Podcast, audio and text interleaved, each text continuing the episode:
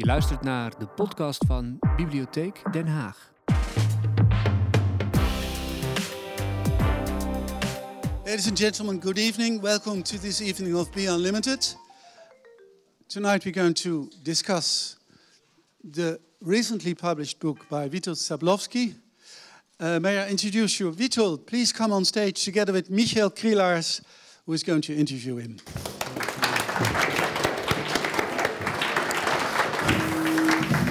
Goedenavond, dames en heren. Ik ga zo dadelijk over op het Engels.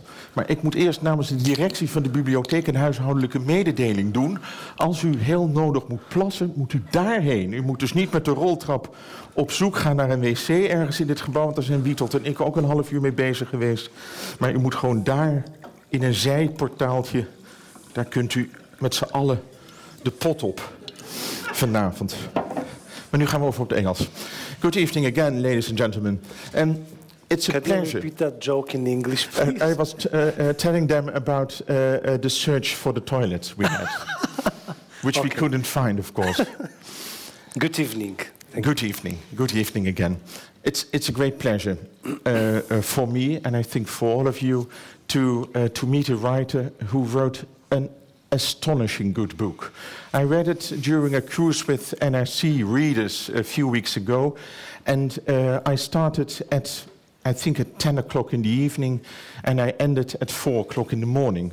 I couldn't stop reading it. And you get a book, Witold Szablowski. I d- didn't remember his name from a previous book uh, on Turkey. And I thought, this is the new Ryszard Kapuscinski. This is a, a journalist with a literary uh, uh, talent, a journalist who with lots of empathy, who interviews people, and he isn't, he isn't against their opinion. He respects them, even if he doesn't agree with them. And that's the most special thing about this book, Beren, Dancing Bears.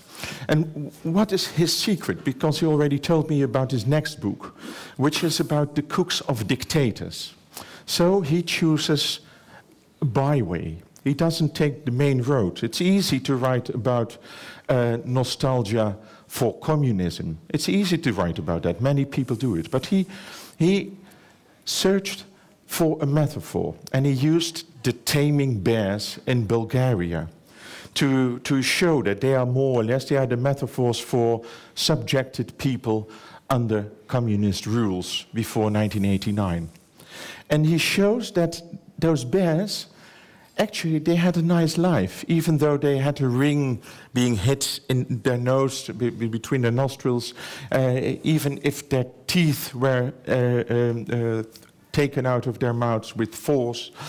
And after the fall of communism, and especially after 2007, when Bulgaria became an EU member, the bears weren't allowed to stay with their previous owners. Gypsies, bear tamers, who were performing circus acts on the street, collecting money by it.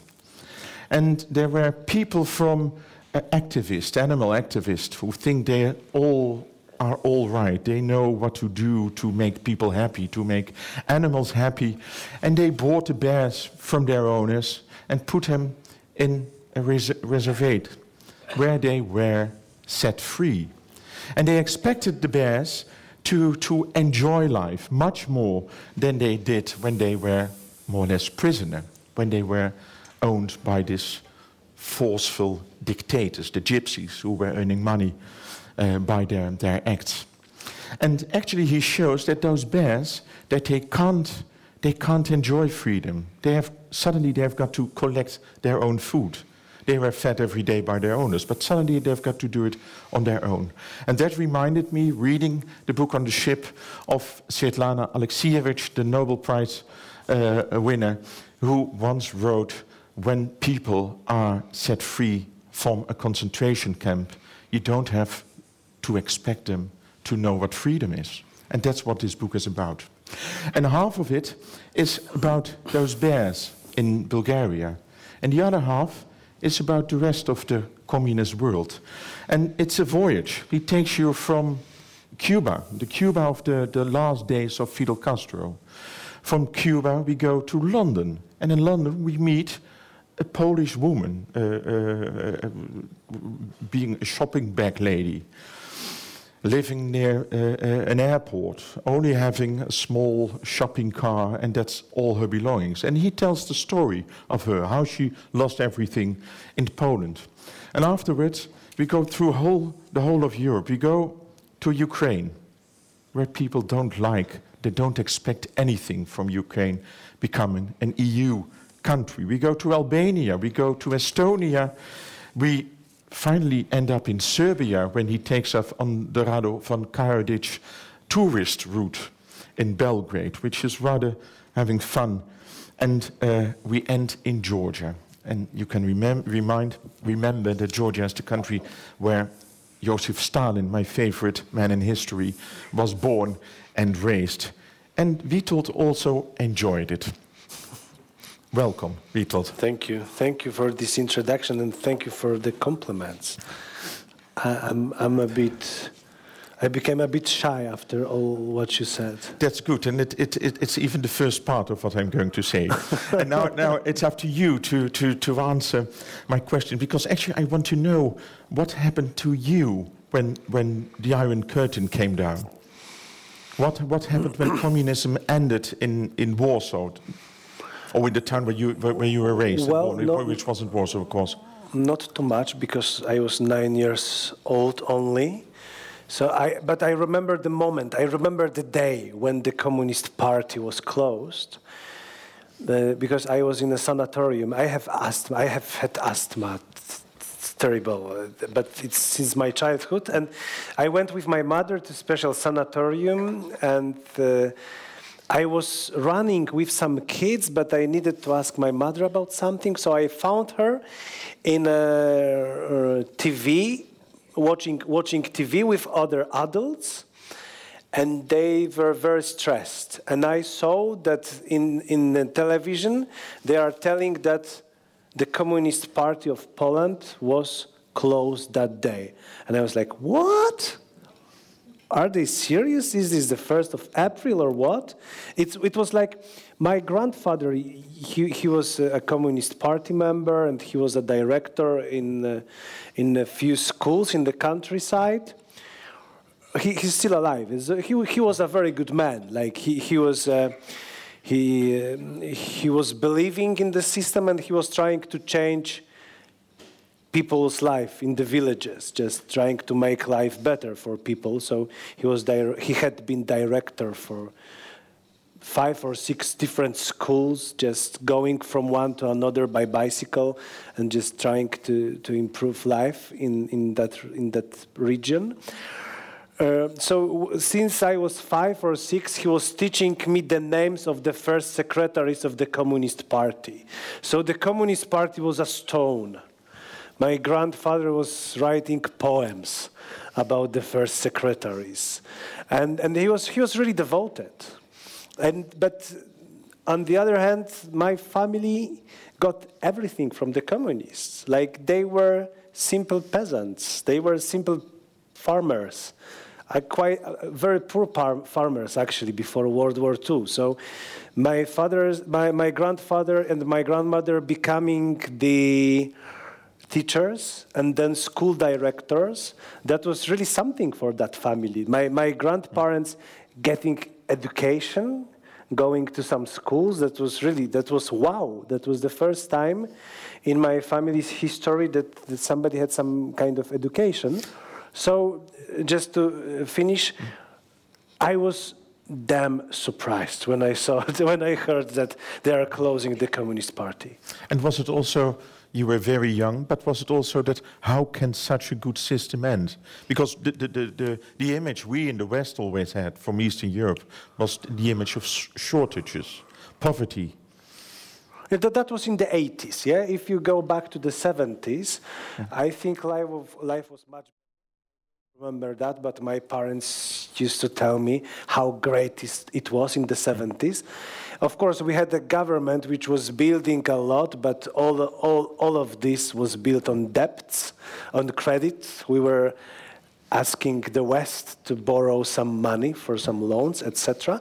But the 70s were quite good, actually. In the 70s, people remember the 70s like a golden age for Poland, but then the 80s came. Yeah, and the 80s, I remember a little bit of the 80s, and the 80s were great and hopeless. And we had that General Jaruzelski, you remember, you, you, you talked with him, you told me. Yeah, the military junta, military, military dictatorship, actually. But what happened after the end of communism? How was the country? How did the country look like? Was it really a, a, a struggle for people to adapt to adopt to a, to a new kind of life?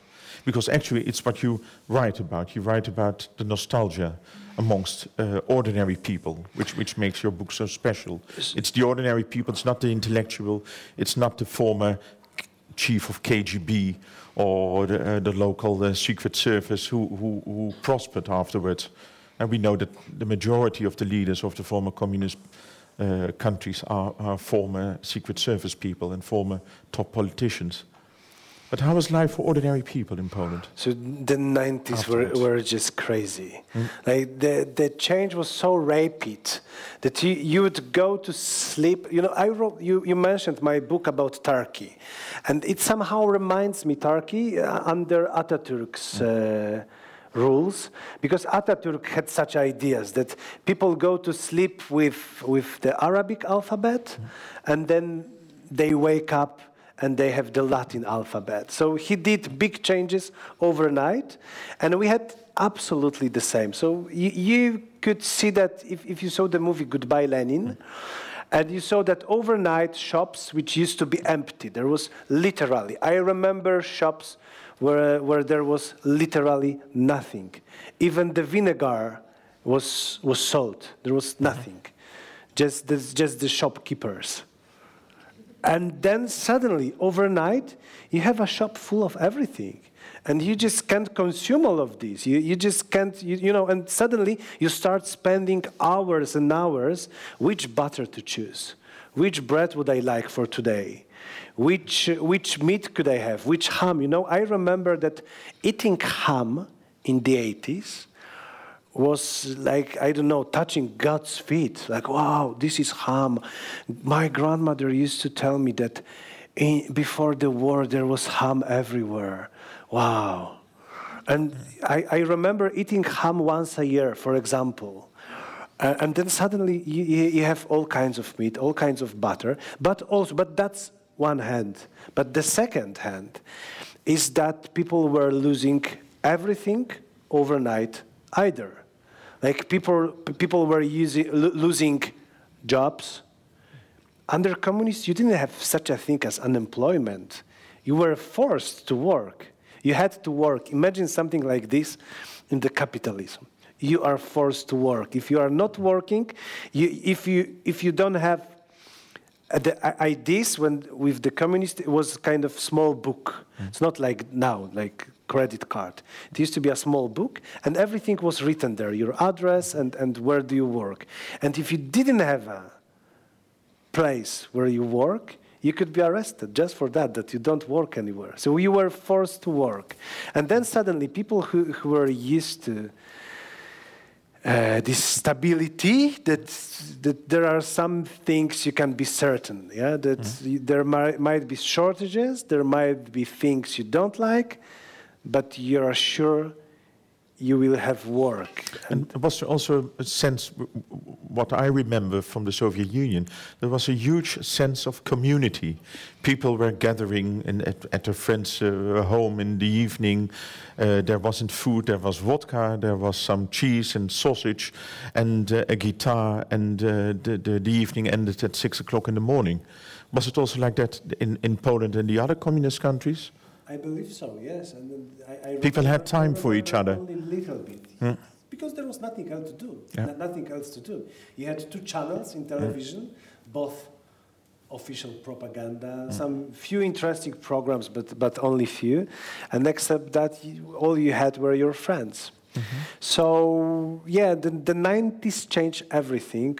Also, when you when you go into more human level, uh, people either began running their own business or, or, searching for a new job, new possibilities, just trying to consume mm-hmm. all the chain, all the possibilities that capitalism brought, or they, they just uh, became unemployed and desperate and, and depressed. And in the countryside, it probably was even worse than in the in the big cities. especially in the places where, where the collective farms uh, existed, because collective farms were closed again overnight, which meant at that moment that three million people lost jobs overnight, and most of them they didn't have any other thing to do. They all they knew was how to milk a cow and how to ride, how to drive tractor, how to do their jobs in a collective farm, and overnight they lost everything. Yeah, you write in your book about a, collective farm in Poland, and what did they invent to change their lives, to make their lives It's, better? it's, a, it's a bittersweet story because uh, when you hear about Polish ex collective farm workers running a hobbit village, hobbit, you know, the, the Tolkien's characters. So the, you have Gandalf, they dress up like Gandalf, like Smeagol, how you spell that? They, my precious guy yeah, from the movie. They dress up like hobbits and they just entertain kids, the sc- school kids. Uh, and they dress up, they, they play roles from the book from Tolkien. So, But the- they seem to have fun. what, what, what, what can they do? Yeah, Yes, They- they- they uh-huh. are- That- I, that's I think they rather pretend they have fun, um, and this is their way to make ends meet. They all ended up in the 90s with no jobs and no perspectives, and half of them drinking hard, and the, the second half maybe not drinking but also losing everything. So they found this idea to open this Tolkien village. And uh, this is, I, when I say it's bittersweet, it's because when you see them, you say, wow, what a great, innovative idea. They, they lost collective farms, so they opened Tolkien Village. Super cool. But then when you, began, when you begin talking with these people, you, you realize how desperate they were. And they, they actually, they never, they never read the book of Tolkien.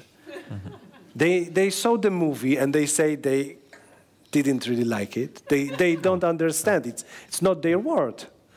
But somebody told them that, you know, guys, you're, you are living close to the seaside. If you do something super cool, you can bring some tourists. And that was the time when the, the, the Lord of the Rings, correct? Yeah, Lord of the Rings w- uh-huh. was, was in cinemas. So they thought, oh, well, maybe we do Lord of the Rings. And they would never do that. They would just milk their cows and they would just, you know, drive tractors. and they could, the, the worst part actually is that the, the collective farms were closed. Nobody actually knows why. Mm-hmm. There, they, there, there were some journalists trying to do some investigative journalism, mm-hmm. trying to find who exactly signed the paper to close all the collective farms and why. And it's very hard to find the person who would take the responsibility for that decision.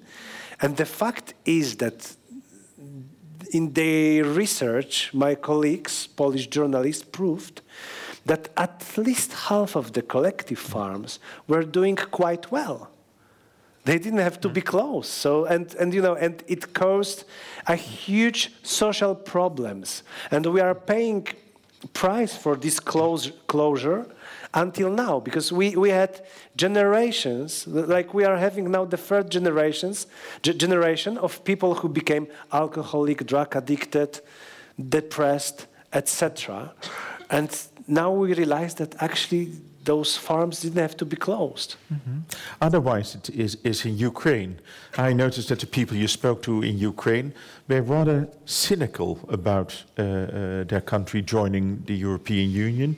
There was a priest who told me that when, we are, when our country is uh, uh, becoming part of Europe, we will lose our faith in God.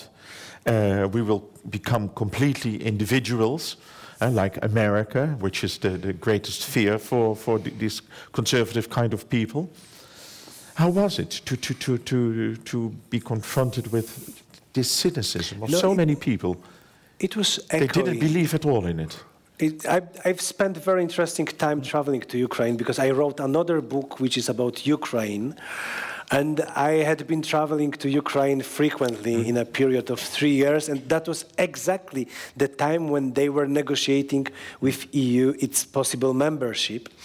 So I had many interesting conversations with these people, with, with people there. But what was echoing all the time in my head is again the time of negotiations mm-hmm. when Poland was negotiating its membership mm-hmm. in EU because I heard the same arguments.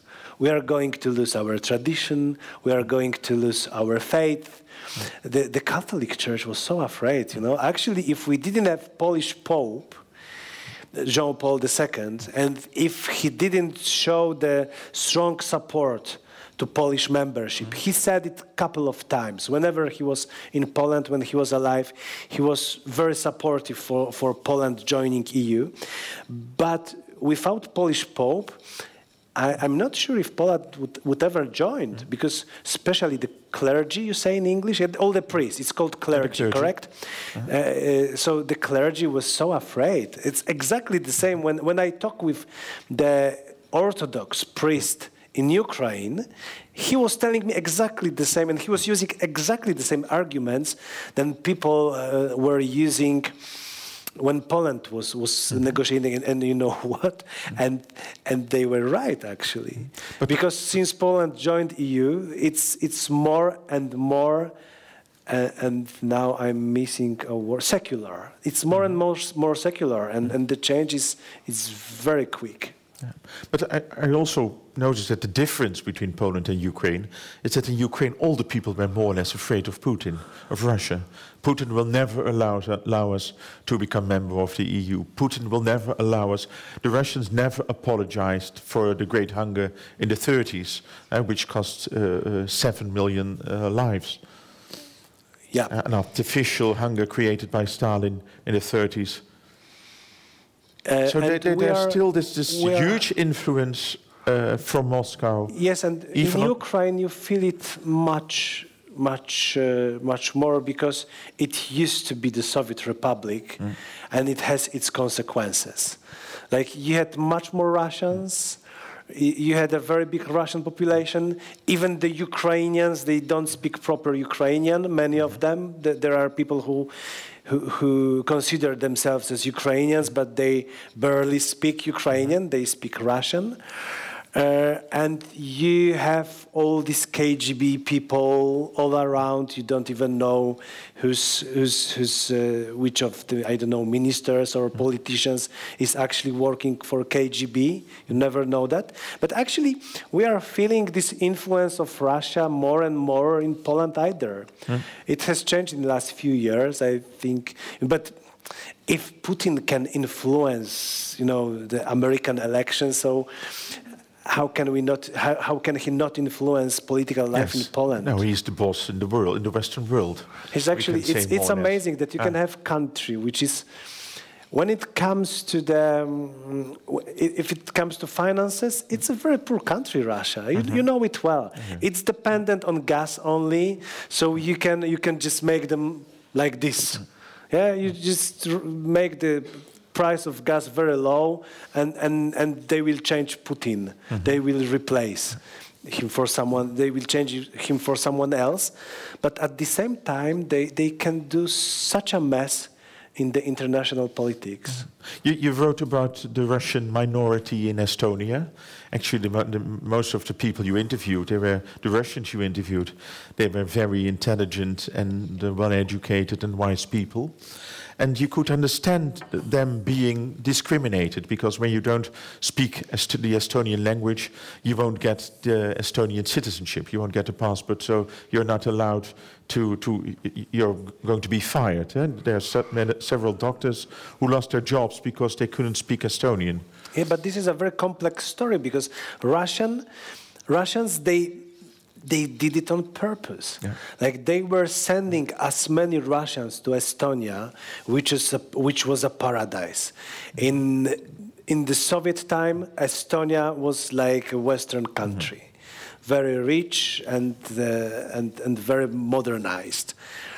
Uh, and they were sending there as many Russians as, as they could, and they were sending very, very, uh, like it was a privilege Uh-huh. And they assimilated sent actually.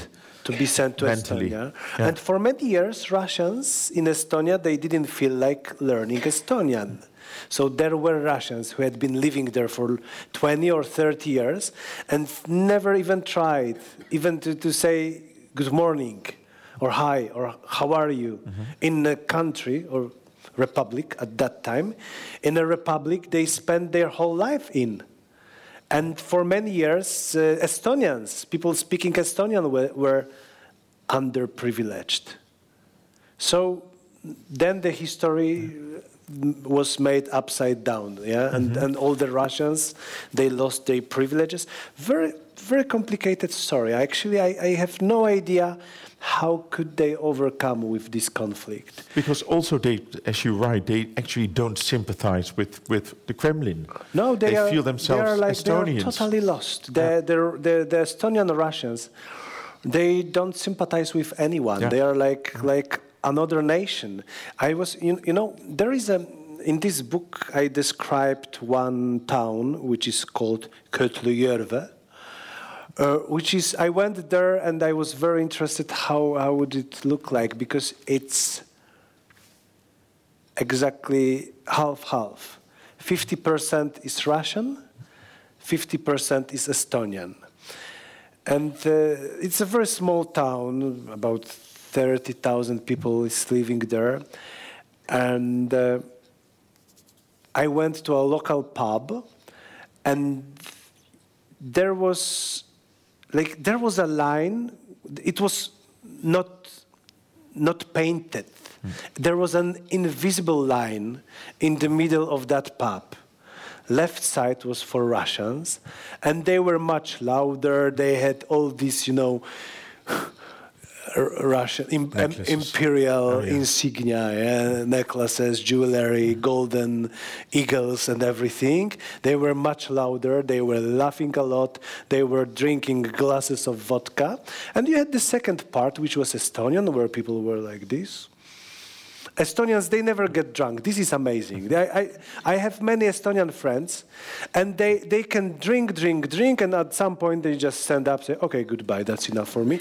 They never do the, the, the fascinating, fantastic Slavic, uh, funny, you know, behaviors. Never. They are very cold, and and there was this invisible line that was amazing, that you you have one pub in that Kohtla-Järve, so they have to use the same space, but it's like not apartheid because well it's not this level of discrimination mm-hmm. but i believe they have these invisible lines in their private life they don't have like estonians don't have russian friends russians don't, have estonians friends and they like russians don't like estonians they they say they are cold they don't know how to party you know estonians thinks russians are too loud and for example they have they have separate beaches. They, there, there are places, there are beaches we, where Estonians would never go because it's too loud, because you have Russian disco. Yeah? And the same for, for the Russians, yeah? too clean for them. Uh, too silent in the disco. Yeah. Um, it's completely the other way around uh, when you visit uh, Kosovo, because actually there's also the battle between Serbs and uh, Albanians, but also there's a beautiful part in it when uh, somebody is hitchhiking and uh, then he, there's an Albanian car or, or a Serbian car and the other uh, nationality uh, hops in this car and he says, okay, when I need a car, it doesn't matter if the if if he is my counterpart, he, if he is an Albanian. Yeah, but, but- how was it being there? Because it's it, it's so. There's also a, a, a chapter about Albania, and the Albanians in Kosovo they are so completely different from uh, the Albanians in in Albania. What happened there? We know about the, the, the, this war and this ethnic cleansing. So, firstly, I went to Kosovo because I, uh, I, when I was a student, I loved hitchhiking. I hitchhiked all around Europe. I was going to Belgium by hitchhiking. Once I even went, when I was studying in Turkey, I was going to and back by hitchhiking. Once I even went from Warsaw to Jerusalem by hitchhiking. So I thought it would be great to, to somehow include hitchhiking into my work. So, so I was just looking for a good idea. So there are actually two chapters. Firstly, on Cuba, I'm the guy with a car, so I'm taking hitchhikers. And then I go to Kosovo right after it became independent, and I'm hitchhiking by myself. So that was a very interesting moment because I was there three days after they became independent, and there was no enthusiasm. Like, amazing lack of enthusiasm like, like they were all probably so tired with the war with conflict with, with everything that they just wanted some peace mm. and the second thing this is again something what i remember from the 90s mm. from poland amazing anger mm. like people were angry you felt that that whenever you you try to ask for directions mm. on a street and they are angry. But why? Because Be of the Serbs? Because, no, terrorizing them? Because generally, generally, when you are going through some historical turbulences, when your country is, is going through through some uh, you know important historical period, and when you're when your friends are losing jobs and you know that you might be the next one, when your future is not clear, you're just angry. So I remember that very well, just coming back for two seconds to your first questions. I remember that from the 90s from Poland. That was time of anger.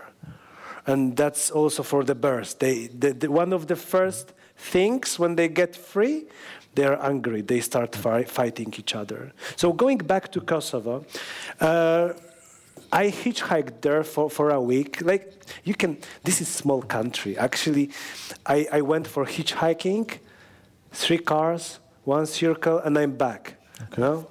In half a day, you can, you can make it in half a day. You can drive around the whole, whole country. But I did it for a week just to see different people, listen to different perspectives.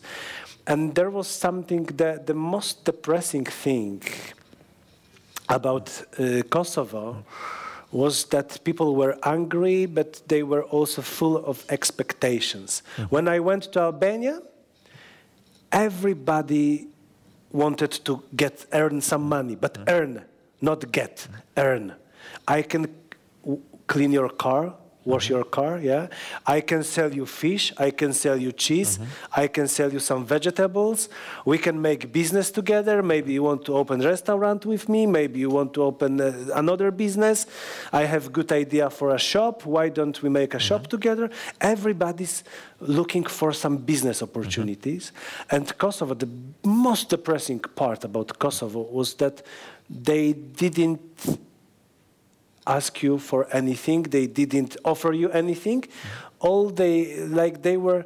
I believe they were. I don't want to say these words, but well, that's how I felt. Okay, they were spoiled with the international help. They just they just got so much money. There were years then uh, there were more money pumped into Kosovo than to the whole Africa. Mm-hmm. So they, they got some enormous amounts of money and they were just spoiled. They, they didn't plant any vegetables. Mm. They didn't, you, you went to a village and they were not having carrots, no salad, no potatoes, nothing, just, just waiting for money to, to Is come. that one of the, the biggest mistake, mistakes the West made?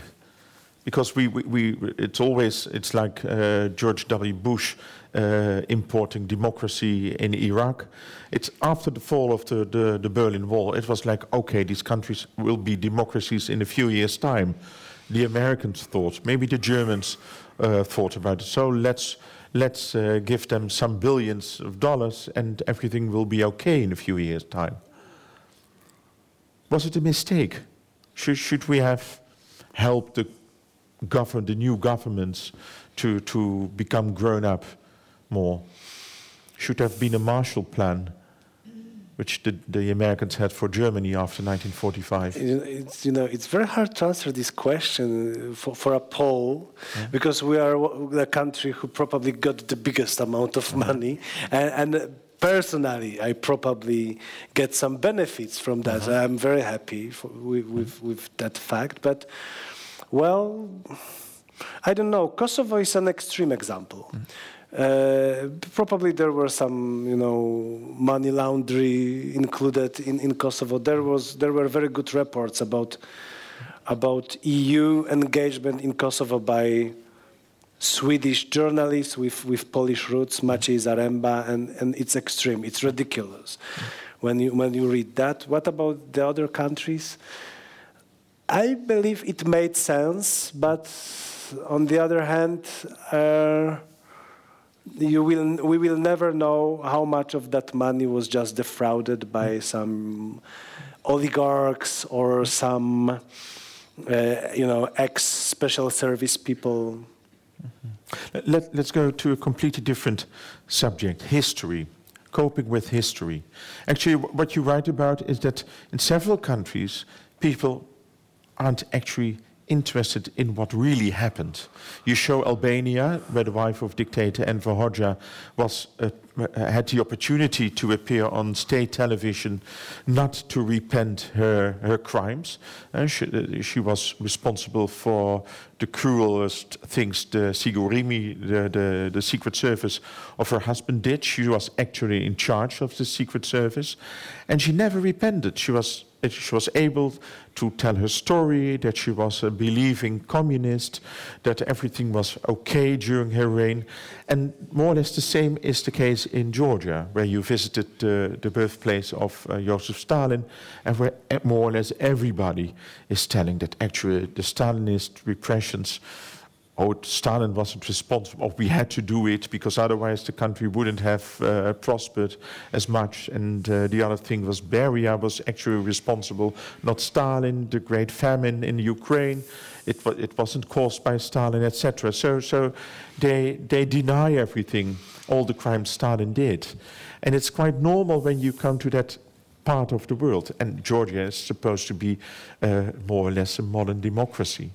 I have a good anecdote related to what you just said because I was trying to interview Nexhmije Hoxha, the wife of dictator Enver Hoxha, dictator of Albania. Uh, to my next book, because the, the, the book about uh, chefs who cooked for, for dictators, Enver Hoxha is one of the dictators I, I write about. So I was interviewing his cook, and I tried to. I went to the widow. She's still alive. She's 96, but in a very good shape, very good condition, very very good shape, a very good mind. She, she remembers everything. She used to be the director of Marxism-Leninism Institute for almost all her life. It's like wife of Ceausescu. yeah, Or yeah, yeah, same? yeah. Ah. But but she was also very prominent person in that country, and it's about how people remember communism and etc. So we go to the place where Nexhmije Hoxha, wife of the bloody dictator, is living, and I see that just in front of her building, there is a graffiti. You say in hmm. English, graffiti, which says penis.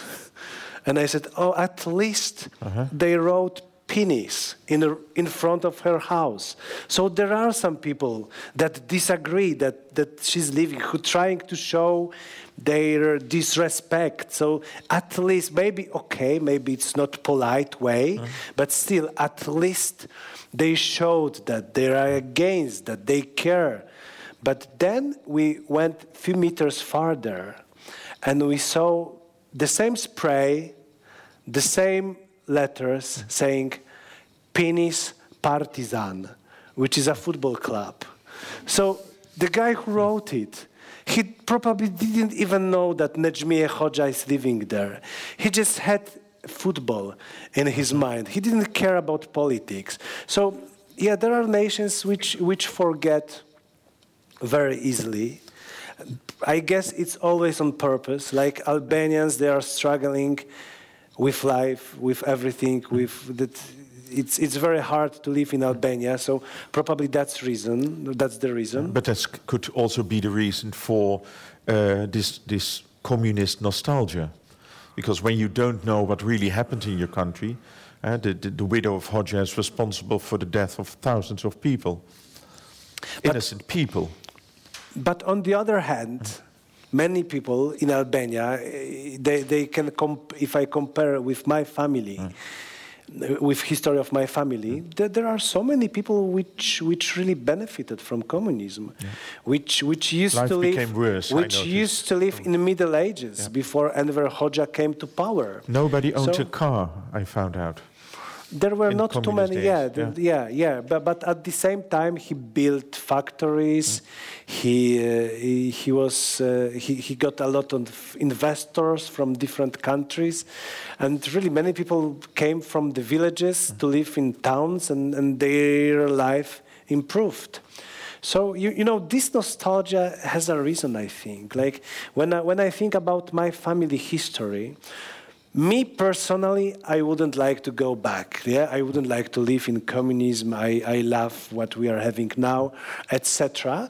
But when I hear my grandparents or my parents being nostalgic, I can't blame them. I, I, I believe they had much better life with the communists than what they are. And what do they say when, when they are being nostalgic? What, what, what- what was the best? That stability, stability. Uh, like my, fa- my my mother was a director at a little school in a village, very small village, and actually. This school made no sense. If you think on an economic level, it didn't make sense to have that school. But communists didn't think like that. They just had a little school in a small village. There were 20 children in that school, but they felt that that's okay to have such a school, That it's less stressful when the kids are six or seven or eight. It's better for them to have school in their village than get stressed when they have to go to the mm-hmm. town where they mm-hmm. don't know anyone. So uh, my mother was director at- at that school, but when the 90s came and when the whole change began, they just closed the school and mm. she became unemployed for a couple of years. The kids had to go to the bigger town. So probably if you ask my mother if she's missing communism, she would tell you this story that that communists they they saw that it makes sense to have such a mm-hmm. school. And how, how does she think about all those young people getting rich in a few years' time or wanting to be as rich as possible? It, it's a thing you see in the former communist world. And there's also this elite driving BMWs, Mercedes, it's everything which matters, as if there's nothing else. And Yeah. they're not going to a concert or to, to, or to a literary evening.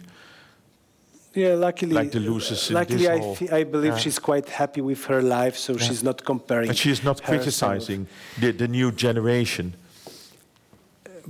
we, it's not as extreme in Poland as in Russia. We, we have just a few oligarchs, but the difference, the gap is not as huge as in Mm. yeah. Russia.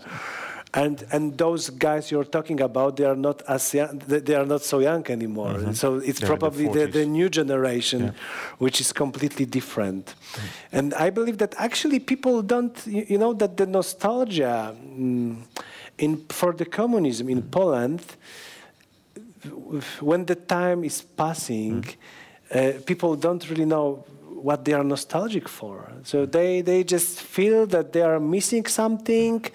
But uh, especially the, the young generation, you know, people with my age and a bit younger, in the mid 30s, late mm-hmm. 20s, they really they don't remember. You know, we now people who don't remember, who didn't live a single day in communism, they are 30. Mm-hmm. 29 exactly. Yeah, to, mm-hmm. But, but still, we have people who are 30 years old and they don't remember a single thing from communism. So, So it is really nostalgia for, for something they didn't experience.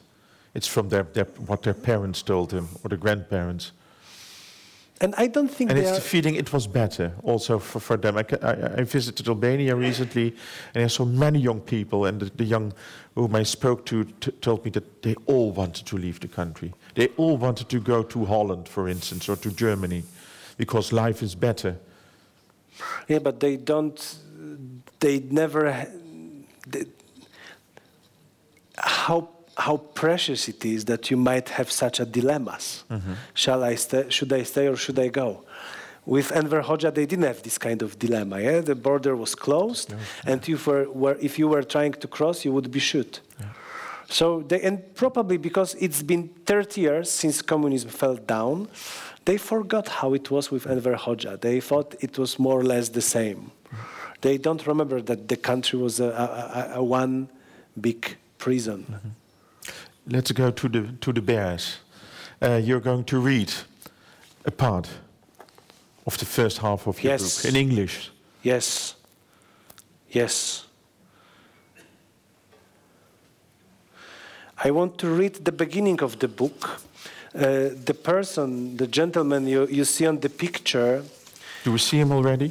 yes, I Georgi. Mircha- Mirchev Marinov, is the guy who's opening the book because he was probably the best person I've met. I met when I was working on that book, and I learned just a few days ago uh, that he, he he passed away. So I want this reading to be kind of little condolences and and little farewell. You say in English, farewell to him. A tribute or goodbye. Yeah, tribute. Yeah, And that's and better word. So the chapter is called Love. Georgi Mirchev Marinov hides his face in his right hand, and with his left taps the ash from his cigarette onto the ground, which in the village of Dryanovets is a deep brown color, passing here and there into black. We are sitting outside his house, which is coated in gray plaster. Marinov is a little over 70, but he's not bent double yet. Also in Dryanovets, a village in northern Bulgaria, inhabited mainly by gypsies, very few of the men live to his age. It's not much better for the women either. There is a death notice pinned to the door frame of Marinov's house with a picture of a woman only a little younger than him. It's his wife. She died last year. If you go through that door, passing a cart, a mule, and a heap of junk along the way, you come to a dirt floor. In the middle of uh, the room, there is a metal pole stuck into the ground. A female bear called Vela spent almost 20 years tied to it. I loved her as if she were my own daughter, says Mirchev, as he casts his mind back to those mornings on the Black Sea when he and Vela, a dependent couple, pointed their noses in the direction of the sea, had a quick bite of bread, and then set off to work along the road as the asphalt rapidly heated up. And those memories make him melt, just as the sunshine would melt the asphalt in those days, and he forgets about his cigarette until the lighted tip starts to burn his fingers. Then he tosses the butt onto the brown and black earth, and he's back in Dryanovets outside his great house with the death notice pinned to the door frame. As God, if my, as God if my, is my witness, I loved her as if she were human, he says, shaking his head. I loved her like one of my immediate family. She always had more than enough bread, the best alcohol, strawberries, chocolate, candy bars. I would have carried her on my back if I only could. So if you say I beat her or that she had a bad time with me, you're lying. A bit more or that's enough? I think that's enough. Okay. Yes, and we've got this beautiful picture. Can we see it again? Because I now see that it's in, also in front of me. I can imagine that he's completely in love with Vela. And this is this this was I- She's more important to him than his own wife. actually. This is what I noticed because his wife had died a few months before I visited his house. But when he was talking about his wife, he was like, "Yeah, you know, that's life. People die. Th- This is normal, natural." But when he was talking about Vela, who was taken from him by, by this Four Paws organization, which you, which you mentioned recently, he was crying. Like the real emotions, he were the only moments when he was showing real emotions were when he was talking about Vela, about, about the, the, the lady bear he's, he, he had been working with. Did I, I forgot? Did did she had her own her, her own? Did she had her teeth, or were they beaten out also? Uh, no, no, no. He was one of the very few bear trainers who didn't crush Yeah. the bear's teeth because he was a very soft person. He was a very good hearted man, I would say. So he had to pull a ring into her nose because that's, that's like a wheel. They call it wheel to the bear. That without the ring, the ring it's called holka in, in Bulgarian. Uh, but uh, he was one of the very few bird trainers that didn't, didn't break the bird's teeth. Yeah. It's also interesting when you, you wrote about it when this this animal welfare organization Four Feet that they, they take her away from him or they buy her huh, and send her to this this uh, wildlife park. And then they remove the, the rings from, from the nose of the bears. And then the bears actually they grew so accommodated to, to these rings that they really miss it although it's rather painful they- they because do they, feel it exactly what always. it's a very beautiful part that, that, that, that the bears really with her to uh, with her hands more or less where's my ring and that's also a problem for them it's it, it's also the metaphor they they set me free but I want to I want to have my alcohol I want to have my sweets I want to to to return to my owner Especially that some of the birds, they, they were really alcohol addicted. Yeah. They were addicts. It mm-hmm. was not like, you know. it, it, it was it a way of letting them dance or not yeah, it, it, I believe with an animal like a bear, it's much easier mm. to have it, have it under control when it's addicted to something. So, but that's actually when, when we go, because that's how I try to build the book, that I talk about the birds, but then I compare them to, to humans. And that's actually what Russians did to, to all mm-hmm. their satellites and all the republics, that mm-hmm. they were sending as much alcohol as possible sending and and just just we were consuming we in Poland were consuming enormous amounts of alcohol to keep them quiet to be to I keep believe, them I believe subjected so. I believe so. By the way, the hmm. pictures are by this by, by Swedish photographer hmm. Albin Biblom, who spent many years going there and mm. back. Like he had this lifestyle that he would work in Sweden in some construction mm. sites mm. just to earn enough money to go back to his gypsy friends. And he, he did amazing amazing pictures of the in the last years actually of, of existence of, of this tradition of burn b- birth training Who who were the people from this uh, animal welfare organization, Four Feet? Who were they? Modern Bulgarians? Why did they think it, the, the bears would be better off? Because they were activists, of course. well the organization Four Paws they are from uh, austria and they have they are also in holland they, they have I, I, as far as i know for circus yeah they, they work mm-hmm. with animals which which used to be circus animals. They have park in poland for mm-hmm. for the also for the animals from from the circus. And they're just pro animals hmm.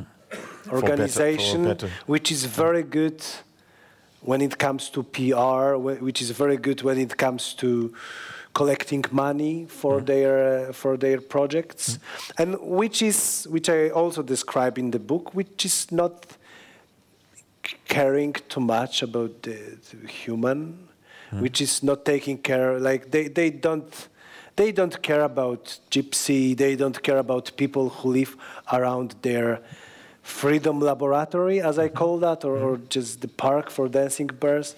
They just have their, their projects. They are good at collecting money for their projects. But they must have been frustrated when they, they, they saw that the bears weren't adopting at all uh, to freedom.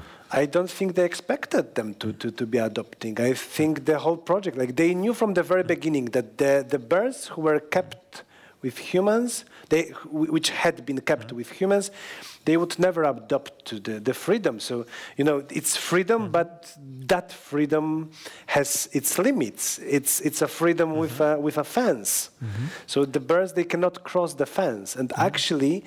Projecting, projecting projecting they it to people? They wouldn't survive a single day on a real freedom. Uh-huh. The first day they would go, they would either starve mm. to death or get killed by some wild bears, mm-hmm. which know exactly how to fight. And when you project it to the people in the former communist countries, is it more or less the same with them in the, in the first uh, decade of, of liberty? I believe so. I believe we didn't know what freedom is. We, we didn't know how to use it. We didn't know how to behave. And there is also one thing which was very similar that the first instinct the bear is, uh, is facing mm-hmm. after it's, it's, it's uh, set free mm-hmm. is aggression. And now we go back to what I told you about the first days of independence in Kosovo mm. and about the 90s in Poland aggression and anger. And it's the same for the bears. They, they, they were, first months of their freedom, they just fight each other. Mm. Then they start slowly enjoying. Like they have swimming pool they have beautiful landscape. They, they, can, they have no holka, no ring in mm-hmm. their nose.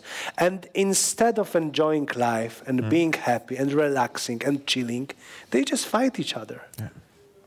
But who did profit from it, it were the populist politicians, because everywhere in Eastern Europe we nowadays see populist prime ministers. We see Orban, we see Kaczynski, we see uh, uh, even in, in, in, in, former Balkan countries, we see it. It, it. It's actually it's very unstable.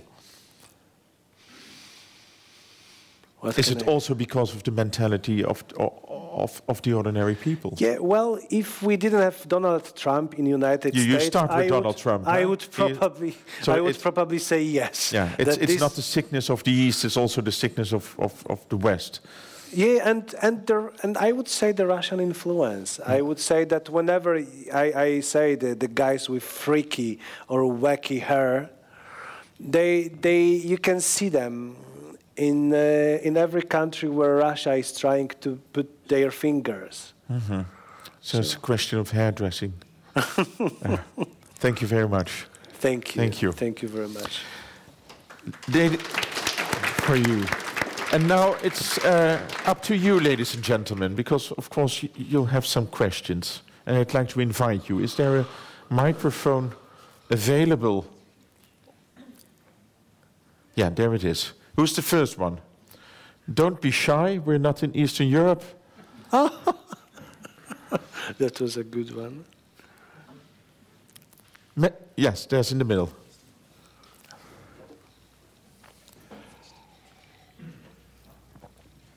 Oh, yes.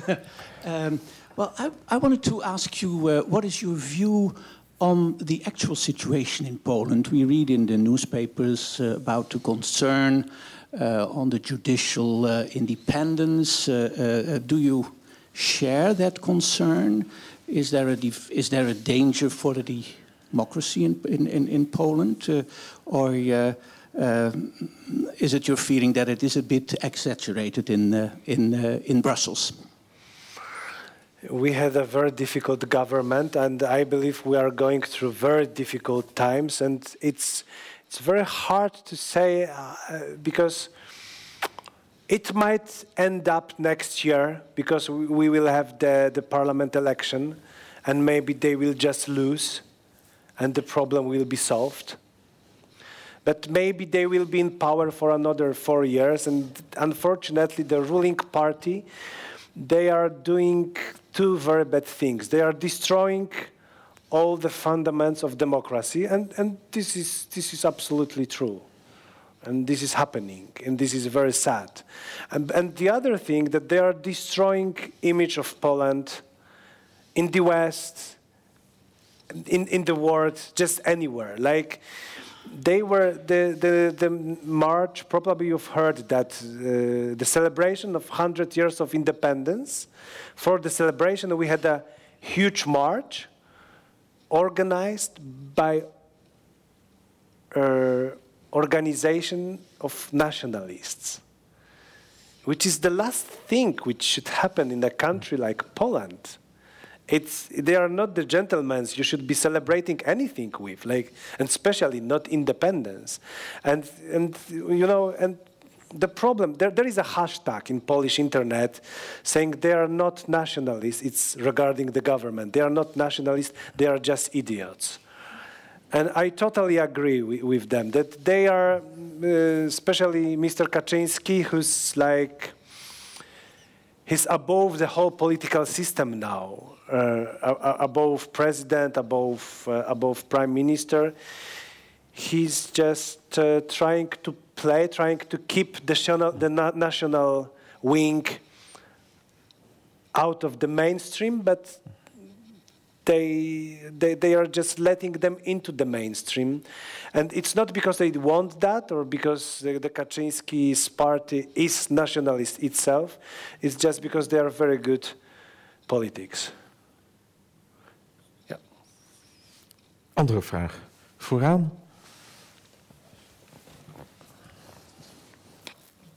Uh, one more uh, practical question. The same thing I always wondered about uh, Kapuscinski.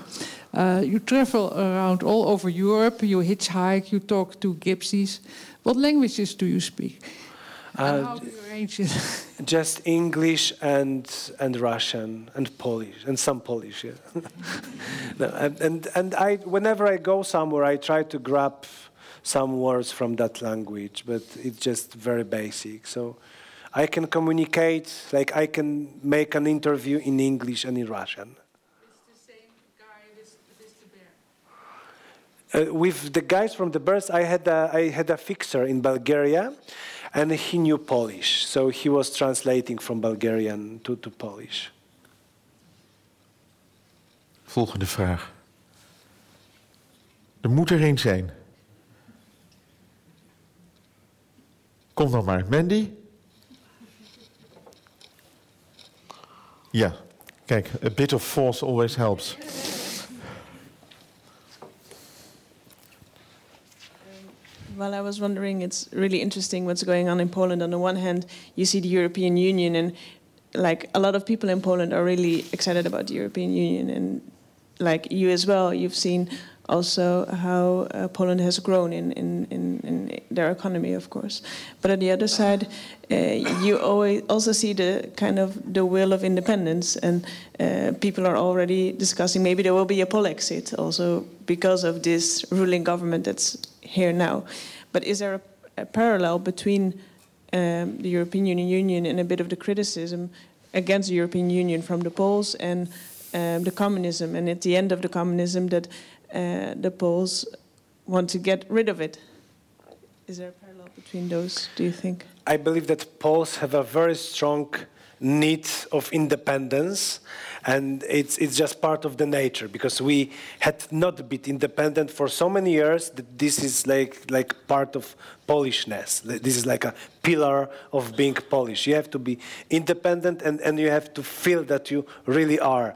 So, and, and the Kaczynski, Kaczynski's party uh, is trying to play this card, is trying to use it a little bit like, hey, do you really want Brussels to tell you what to do? Do you really want them, you know, you have these stupid arguments, yeah, that they tell you about bananas, what kind of bananas you can eat or no, or, what kind of lights you can use, etc. But I don't think it's going it's it's gonna work with Poles. I would be surprised. Like we are still uh, it's interesting that before Poland joined EU, there were much more people against EU than since we joined. and people see so many benefits. Schengen is amazing, isn't it? It's, it's like, wow.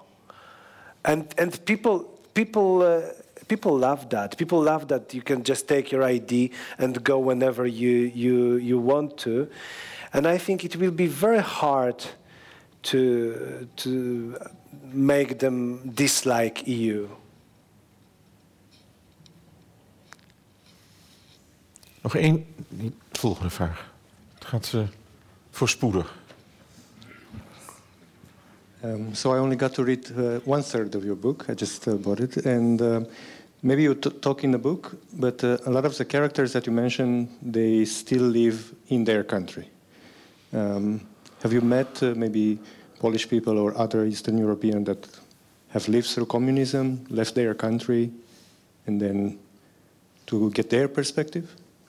Eastern Europeans, uh, which, for example, Poles, uh, Polish people that uh, have lived through communism, then stayed a, while in the 90s, and then, for example, left for Western Europe or US. Uh, which stayed during transition? They were in Poland and then they left. Yeah, so one of my favorite characters from that book, her nickname is Lady Peron, which means like lady platform in English, because she, when I met her, she was living on a train station, Victoria, in London. And for me, it's a lady platform is a pure freedom. She, she's just um, the most beautiful story I've heard because she's a, she, she was a um, very poor woman from a very small village in central Poland. And at some point, she had an argument with her neighbors. And she thought that she heard in TV that if you want justice, now since we joined EU, you have to go to Strasbourg. And she never, she's never, she had never been to Warsaw. She had never been to a bigger city before. But because of that dispute, because of that conflict with her neighbors, she got so angry that she took the first bus to Strasbourg and she went to Strasbourg. And then in Strasbourg, they were surprised like, why did you come here? You just should have written a letter. You don't have to come to the tribunal. That's not how you solve things. But then she realized that so many people helped her on the way. They, they helped her to get to the bus. And some people, somebody bought her breakfast, somebody bought her lunch, somebody, somebody bought a, a return ticket for her. So she came back to Poland, but she was like, hmm, that Western Europe was a qu quite nice experience for me. Maybe I could live there. So she took all her belongings. She took the first bus, this time to London. She came to uh, Victoria station and she stayed there. And when I met her, she was living on Victoria train station, just of course begging for money, but she was very happy. She was much happier than she was in Poland. And, and for me, it's a story about brave woman who took from the change and who took from freedom as much as was possible for her. One of the most beautiful parts of the book, indeed. Thank you. Yeah. Thank you. Last question. There's no last question, then, then I'll, I'll ask it. Um, did the West, did, is it actually that the West didn't see what really was happening? Because actually, we in Holland, we were not interested a lot in Eastern Europe uh, before the crash of the MH17, the flight in, in Ukraine. And uh, afterwards, we suddenly noticed that there's also a part of Europe east of Germany. Did we, did politicians make mistakes here in the West? Because they, they were welcomed in, in the European Union, but actually we, we, we left them afterwards. We pumped in some money, and that's it. Yeah, politicians always make mistakes. This is a part of being a politician that actually it's, about making mistakes. But uh, uh, you know, I personally I believe that you can't understand what Europe is and what Europe will be or might be if you don't go to countries like Poland, if you don't go to Ukraine, especially nowadays when they are in conflict with Russia. Especially that the, the Putin's shadow, if we call it this way, it's getting bigger and bigger. And now, a few years ago, I I wouldn't tell you that I feel Putin's shadows in Poland. Now, now I feel it. And, and he's a hungry person. He will ask for more. Is it He's- dangerous for, for peace and stability? Rather stability than peace because mm-hmm. he's i don't think he will he will try open conflict with mm-hmm. with nato with anyone mm-hmm. but he's working through chaos he's just trying to make chaos whenever he came whenever he comes and he's he's damn good at that like you know the how you say that in english Va- vac- vacas vacas Małgosia, jak są szczepionki? Vaccination. Sorry. vaccination. Thank you. Uh, you know that there is a huge campaign in Poland against vaccination. In the States, it's the same. Yeah, there is a, Yeah, the yeah. huge debate on Twitter everywhere, and American Health Institute just published a report saying that 93% of the tweets are done either by, by Russians or by Russian bots. And now, the tweets are for both sides. They're pro and they're anti. Because it's not about arguments, it's not about real discussion, it's only about making chaos. So, whenever you see a place or a country which is becoming chaotic, I would say it's, it's Putin's shadows. Okay, thank you very much, Richard. And now we're all going to read this book, and as far as you haven't read it, you're going to buy it. I demand it. Thank you very much. Thank you. Thank you, Thank Witold.